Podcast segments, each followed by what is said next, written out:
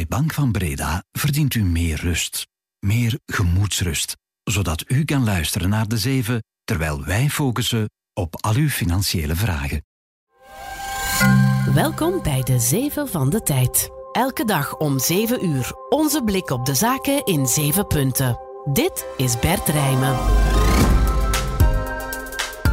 Goedemorgen, het is maandag. Dan blikken we in de zeven altijd vooruit naar de week die komt met een gast. Vandaag is dat Peter Hinsen, technologieondernemer, auteur en partner van Nextworks. Goedemorgen, Peter. Een hele goede morgen, Bert. Het is de eerste beursdag van Science Co, zeg maar de meer innovatieve activiteiten van het chemieconcern Solvay. En hoe moet het dan verder met wat nog rest van Solvay? Zowel de Europese Centrale Bank als de Federal Reserve nemen deze week een rentebesluit. Hoe kijken bedrijven daarnaar, zowel hier in Europa als in de VS? En wat met bedrijven die actief zijn in artificiële intelligentie? Is dat nu een goede zaak of eerder een bedreiging dat Europa werkt aan regelgeving? Die fameuze AI Act. En in Dubai, daar loopt de VN-klimaatconferentie COP28 op zijn laatste benen. Welke rol speelt technologie in de klimaatomslag? Veel vragen, zo meteen de antwoorden. Het is maandag 11 december. Welkom. De Zeven van de Tijd. 1. Die een aandeel bezit van chemiereus Solvay, die heeft vanaf vandaag twee aandelen. Eentje van Solvay en eentje van het afgesplitste ScienceCo. Solvay omvat het gros van de voormalige divisie chemie, terwijl ScienceCo vooral de groeiactiviteiten omvat. Denk aan lichte composietmaterialen bijvoorbeeld. Elk met een aparte notering op de beurs. Dus uh, speciale situatie komt niet zo vaak voor. Uh, ja, wat zijn jouw verwachtingen daar, Peter? Maar het is um, op dit moment een, een, beetje een raar beursklimaat, Bert. Dus moeilijk te voorspellen. Maar ik denk dat er toch nog altijd vrij veel appetijt is, uh, zeker voor innovatie. Mm -hmm. En, en Solvay was uh, een, een, raar beestje aan het worden. Aan de ene kant die hele traditionele chemieoplossingen. En aan de andere kant toch wel bijzonder innovatieve concepten. Met inderdaad als, als outlier dat fameuze polyvinyl ideenfluoride. Dat, dat is een polymeer dat zelfs metalen zou kunnen vervangen in voor de auto-industrie. Ik, een heel mooie analogie vind ik, die, uh, je kent dat waarschijnlijk, die, die, hele rare krabben met aan de ene kant een hele kleine schaar en aan de andere kant ja. zo'n hele grote arm. Ja. Hè? Dus ik denk afsplitsen is hier de, de keuze geweest. Ik denk echt dat die traditionele business zijn waarde heeft en kan houden, maar dat is geen super sexy business. Uh, daarnaast zit er enorm potentieel in die innovatietak. Dat kan nu echt zijn meerwaarde aantonen en dat kan beleggers aantrekken die echt geloven in het potentieel, maar die ook wat risico durven nemen. Ja, uh, hoe zie je dat eigenlijk evolueren, Peter, die twee aparte bedrijven in de toekomst? Wel, als ik een, als ik een vergelijking mag maken, uh, een van de meest succesvolle innovatieve Europese bedrijven vandaag is uh, ASML, hè, de, mm-hmm. de absolute wereldleider op vlak van machines voor halfgeleiderproductie. Die heeft een marktwaarde met meer dan 260 miljard euro, maar dat is ooit ontstaan in de schoot van Philips in Eindhoven. Uh, ASML is in 1995 naar de beurs gegaan, dat is al lang geleden. Philips heeft toen haar aandeel voor de helft verkocht en uiteindelijk helemaal afgebouwd. Nu, ik denk ASML had nooit kunnen schalen zonder Philips. Maar ASML was nooit het succesbedrijf geworden die het vandaag is, als het aan Philips was blijven vastzitten. Uh, nu, het is wel zo, Philips dat achterbleef, is niet echt een super succesverhaal geworden. Hè. Philips heeft in de laatste vijf jaar uh, meer dan 40% van zijn waarde verloren. Het is nu nog 17 miljard waard. Vergelijk dat met die 260 van ASML. Met andere woorden, er zijn enorme mogelijkheden voor megagroei in spin-outs, maar er is wel een reëel gevaar dat de traditionele business een beetje albollig wordt en zich niet meer kan heruitvinden. Ja, zie je zo'n risico ook bij Solvay dan? Korte termijn niet, denk ik. Het hangt een beetje af um, hoe we ook al op, naar chemie kijken op langere termijn, zeker die basischemie. Blijven we daar enthousiast over, maar op langere termijn moeten zij absoluut een nieuw verhaal kunnen schrijven. En het kan. Hè. Een van mijn favoriete mm. voorbeelden, een, een, echte phoenix in mijn ogen, is het Nederlandse DSM. Dat is ooit begonnen als de steenkoolmijnen, het DSM. Uh, dan vorige eeuw totaal getransformeerd in de chemie, in petrochemie. En nu een van de meest innovatieve bedrijven wereldwijd op vlak van sustainable nutriënten voor de voedingsindustrie. Dit jaar zijn ze gemerged met het Zwitserse Firmenich. Maar ik vind dat een prachtig verhaal van blijven innoveren en blijven heruitvinden. En dat gaat Solvay absoluut ook moeten doen. 2. Morgenavond dan, dan presenteert supermarktketen Colruyt de resultaten van het eerste halfjaar van hun gebroken boekjaar 23-24. Daar eind september gingen ze nog uh, voor dat nieuwe boekjaar uit van een winsttoename minstens 50 procent. Uh, vooral door een hoger marktaandeel, beheers van de kosten en de afname van de inflatie ook. Uh, ja, dat is een indrukwekkende verwachting, Peter. Dat moet dan zo'n beetje het jaar van de heropstanding worden. Ja, absoluut. Um, en de beurskoers toont dat ook. Uh, mm -hmm. Die is dit jaar al uh, met bijna 90% gestegen. Uh, maar dat moest ook wel, want als je op langere termijn keek, dan deed Colruyt dat niet zo goed. Op vijf jaar tijd is hij nog altijd bijna 33% minder waard. Um, maar ik vergelijk het heel graag met, met Walmart, wat ik goed ken. Walmart dat is een beetje de Colruyt van de VS, zelfde filosofie. Ja efficiëntie, everyday low prices. Uh, maar Walmart is de laatste vijf jaar qua waarde met bijna 65% gestegen. Hm. En, en de reden is, Walmart heeft enorm ingezet op innovatie. Zij concurreren ja, nu echt bijna nek aan nek met Amazon op vlak van online retail. En ik denk bij Colruyt denk ik dat zeker het nieuwe leiderschap de belegger een beetje hoofd heeft gegeven dat hier nu absoluut hetzelfde kan gebeuren. We zeiden het al, Colruyt profiteert van die dalende inflatie. En die inflatie beheersen, dat is nu de hoofdtaak van de Europese Centrale Bank, maar ook de Amerikaanse tegenhanger, de Federal Reserve. Die nemen deze week allebei een rentebesluit. De Fed woensdag, ECB op donderdag. Uh, verwacht wordt dat ze allebei de rente ongewijzigd wel gaan laten deze keer. Al is het wel uitkijken naar hoe ze gaan reageren op al die speculatie dat er volgend jaar een versoepeling van dat monetair beleid zit aan te komen. Uh, leeft natuurlijk ook in de economie en dan bij de bedrijven. Uh, waar jij veel contacten hebt. Peter, hoe merk je dat daar?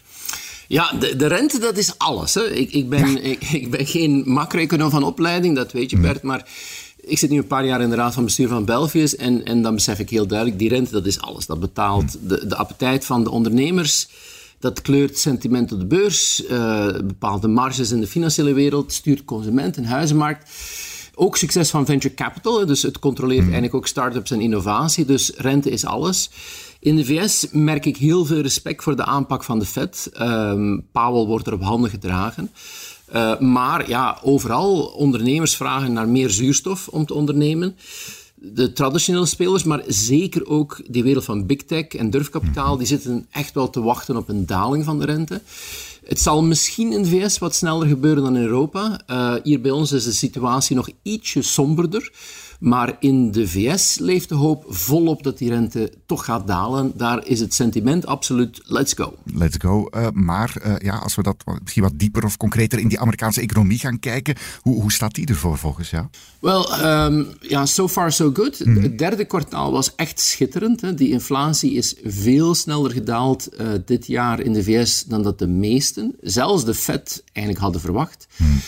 En, en de grote vraag is nu hoe snel de Fed die rente kan doen dalen en, en met hoeveel. En dat kan een enorme impact hebben naar consumenten, naar markten, misschien zelfs naar de presidentsverkiezingen van volgend jaar. Mm -hmm. uh, Chairman Powell, dat is de voorzitter van de Fed, die heeft nu op dit moment heel veel krediet.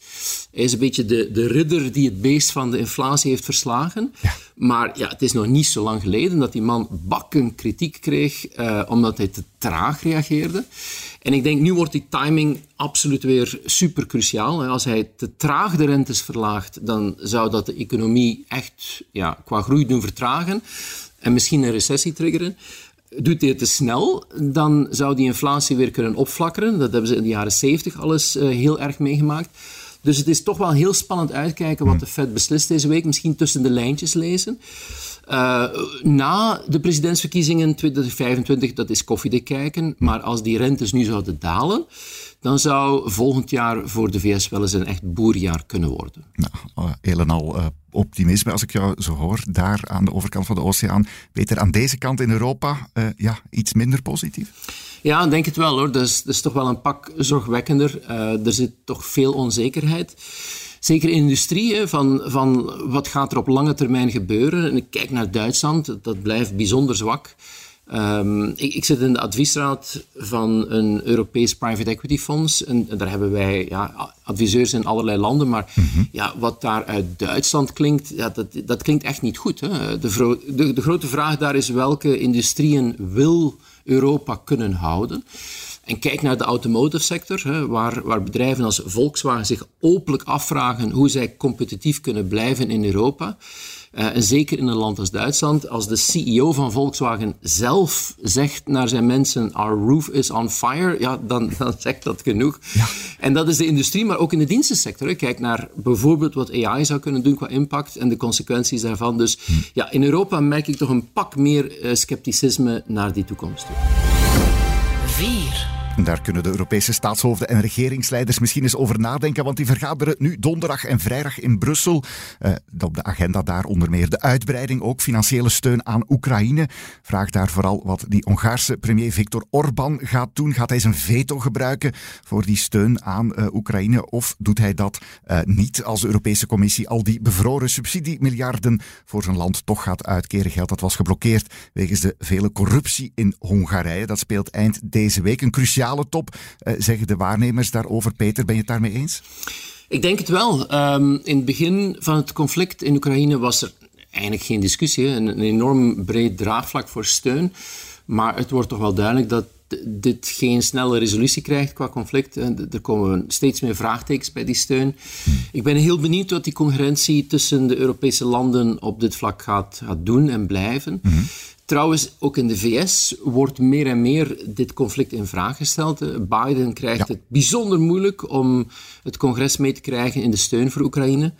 Uh, het heeft die Amerikaanse belastingsbetaler toch al meer dan 75 miljard dollar gekost. En, en na 18 maanden willen die Amerikanen resultaten zien. Dus bijzonder interessant wat het betekent voor de samenwerking ook tussen Europa en de VS op dit vlak, maar absoluut een cruciaal element.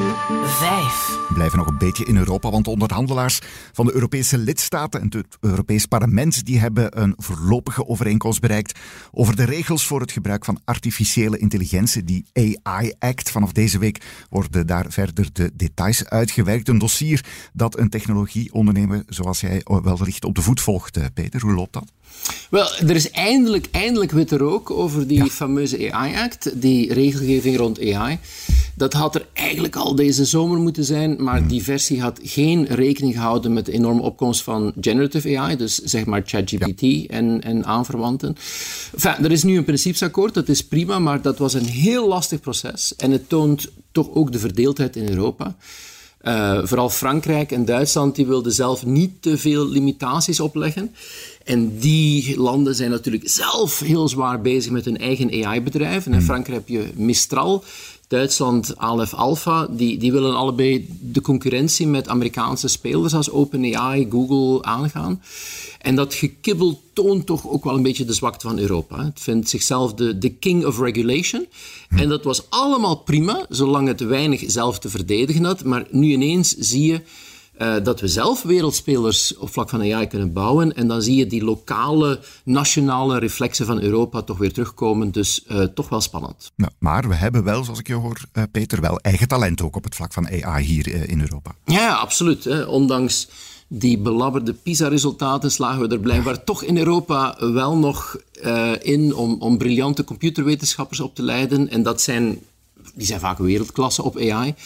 Maar we moeten wel opletten, denk ik, dat we ze niet kwijtraken. Een paar weken geleden kwam het Witte Huis met hun executive order rond AI. Dat is mhm. ja, hun krijtlijnen rond hun AI-beleid. En dat is zeer duidelijk. Hè. De, de, VS wil de, de dominante positie van AI in de wereld blijven houden, kost wat kost. En die executive order die rolt gewoon heel duidelijk de rode loper uit naar onze Europese researchers om naar de VS te komen en Amerikaans staatsburger te worden. Dus een heel interessante vraag voor wie ons talent uiteindelijk gaat kiezen. Ja, inderdaad, terwijl we dan hier op Europa die ja, regelgeving nog wat verder moeten uitwerken. Nog niet helemaal rond ook, hè, toch? Nee, nee, nee. Het moet nog in een definitieve vorm gegoten worden en goedgekeurd. Dus hm. er kan nog wel wat aan gesleuteld worden volgende week en de volgende weken. Maar het is natuurlijk bijzonder moeilijk om bij te blijven oh, met die snelheid van AI qua regelgeving. We hadden vorige week nog die introductie van, van Gemini van Google. Elke week krijgen we iets nieuws. Die sector evolueert sneller en sneller. Lenen zei ooit: There are decades where nothing happens, and then there are weeks where decades happen. Wel, zeker in de wereld van AI. Zes. Morgen eindigt in Dubai de 28e jaarlijkse conferentie van de VN over klimaatverandering. In welke mate kan artificiële intelligentie of breder technologie een rol spelen in die hele klimaattransitie, in de strijd ook tegen opwarming van de aarde? Want daar speelt dat allemaal wel degelijk een rol. Hè? Ja, absoluut. En, en ik voel de discussie rond dat onderwerp, en, en zeker op COP28, ook wel een beetje veranderen. Hè. Hmm. Eh, het klimaatverhaal de laatste jaren was, was altijd reductie, verminderen, anders gaan consumeren. En dat is belangrijk, maar dat gaat helaas heel langzaam. Ik denk, nu gaat de vraag vooral hoe kunnen we innovatie en technologie op grote schaal inzetten om resultaten te boeken. En dat maakt mij heel enthousiast. Daar moet Europa denk ik nog veel meer op inzetten. Uh, kijk, vorige week die Leuvense start-up uh, Solid, die, die, die waterstofpanelen introduceert, die waterstof uit de lucht kunnen genereren. Dat is, dat is prachtig. Hè? En ik denk, ja, dat soort voorbeelden moeten we, daar moeten we massaal op inzetten. Veel meer, veel meer middelen vrijmaken, veel meer investeren in start-ups en scale-ups. En Europa kan en, en moet daar volgens mij het verschil maken. 7. Roze, roze, roze à mes yeux. James Ensor en het stilleven in België tussen 1830 en 1930. Dat is de misschien toch wel wat lange titel van de tentoonstelling die vanaf volgende zondag loopt in het museum in Oostende. Thuishaven natuurlijk was dat van James Ensor. Expo leidt, uh, of luidt daar meteen ook het Ensor-jaar in. Zal er kunnen gaan kijken naar een vijftigtal werken van Ensor, maar ook werk van vele tijdgenoten. Daarvoor zijn ja, verschillende stukken tijdelijk ook verhuisd vanuit musea in België, privécollecties, ook in binnen- en buitenland. Uh, iets voor jou, Peter Ensor?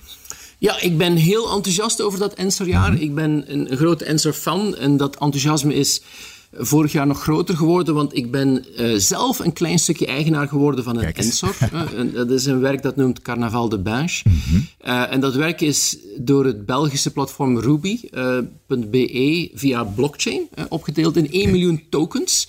En zo'n token is te koop voor anderhalve euro. dat werk is in bruikleen bij het KMSKA voor 10 jaar. Maar het is een pracht voorbeeld van hoe je kunstbezit ook kunt democratiseren met technologie. Voor alle budgetten, maar mm -hmm. ook een heel schitterende manier om een secondary marketing kunst mogelijk te maken. Dus uh, super enthousiast en ik ga zeker kijken in Oostende. Daarmee zit deze eerste de zeven van de week er weer op. Dankjewel Peter Hinsen voor je inzichten. Heel graag gedaan Bert. Voor u alvast een fijne dag voor iedereen en tot morgen. Dit was de zeven met Bert Rijmen. Productie door Joris van der Poorten van op de redactie van De Tijd. Bedankt om te luisteren. Morgen zijn we er weer. Tot dan.